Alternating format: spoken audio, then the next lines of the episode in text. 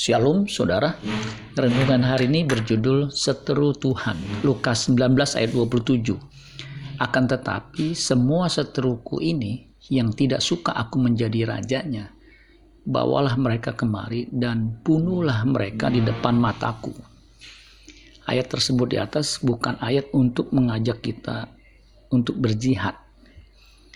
Musuh yang dimaksudkan dalam perumpamaan uang mina tersebut adalah mereka yang tidak suka Tuhan menjadi raja atas mereka, dan juga hamba yang tidak menyelesaikan tugas dan tanggung jawabnya, yaitu mengembangkan uang mina yang diberikan tuannya itu.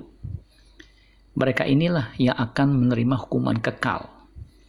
Tetapi mereka yang mengakui Tuhan Yesus sebagai raja dan mereka yang berjuang mengembangkan kodrat ilahi mereka ini yang akan memerintah di kerajaan Allah kelak.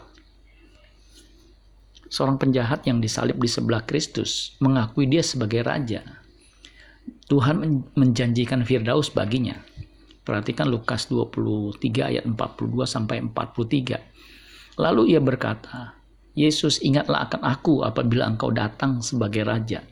Kata Yesus kepadanya, aku berkata kepadamu, Sesungguhnya hari ini juga engkau akan ada bersama-sama dengan aku di dalam Firdaus.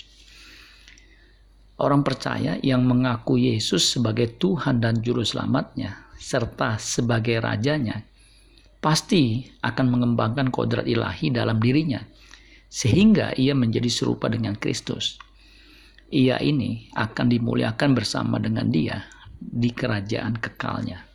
Amin buat firman Tuhan. Tuhan Yesus memberkati. Sola Gracia.